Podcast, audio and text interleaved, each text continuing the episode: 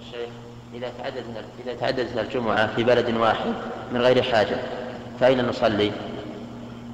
إذا تعددت الجمعة في بلد واحد من غير حاجة فالواجب على المسؤولين أن يمنعوا الثانية يعني التي حدثت أخيرا لأنها طرأت على الأولى والأولى قد ثبتت وصحت وإذا لم يمكن كما يوجد في بعض البلاد الأخرى يعني إذا لم يمكن منع الجمعة فليصلي الإنسان في الجمعة التي تقام أولا.